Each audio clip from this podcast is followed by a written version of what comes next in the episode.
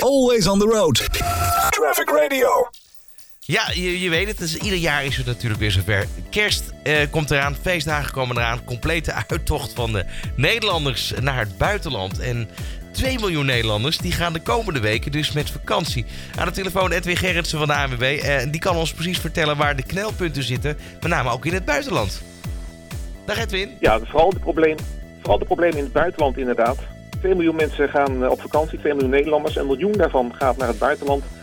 We hebben vrijdag in Nederland een, eh, een vroege avondspits. Want dan gaan de mensen naar de vakantieparken, vooral files richting de oostgrens en naar het zuiden. Maar de grootste problemen die verwachten we ook voor eh, Nederlandse toeristen eigenlijk in het buitenland. En dan met name op zaterdag richting de skipistes. Ja, en dan heb je dan over, over eigenlijk Oostenrijk, maar ook Frankrijk of puur eh, Oostenrijk? Want in, in Duitsland wordt op dit moment veel aan de weg gewerkt. Ja, in Duitsland daar eh, verwachten we vrijdagmiddag al files, maar ook op zaterdag weer. En daar eh, ja, op zaterdag ook weer de meeste files. De grootste knelpunten zijn de A3 Frankfurt-Nuremberg. En in het zuiden van het land ook A8 München, eh, Salzburg. En veel mensen onderweg naar de wintersportplaatsen. Oostenrijk en Zwitserland ook zaterdag erg druk. In Oostenrijk vooral op de A10 Salzburg-Villach.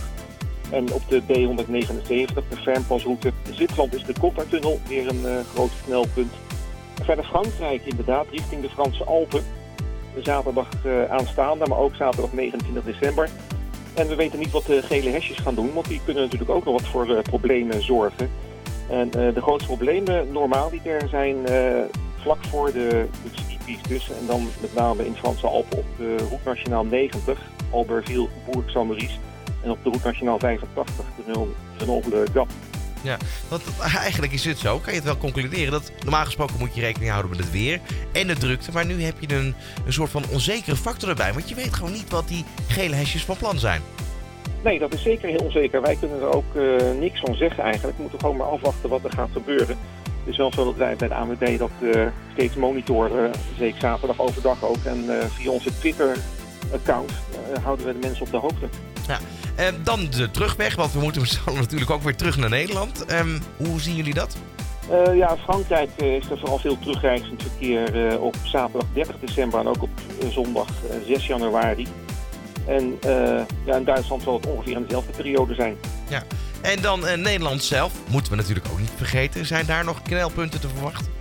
Ja, alleen vrijdag eigenlijk, vrijdagmiddag.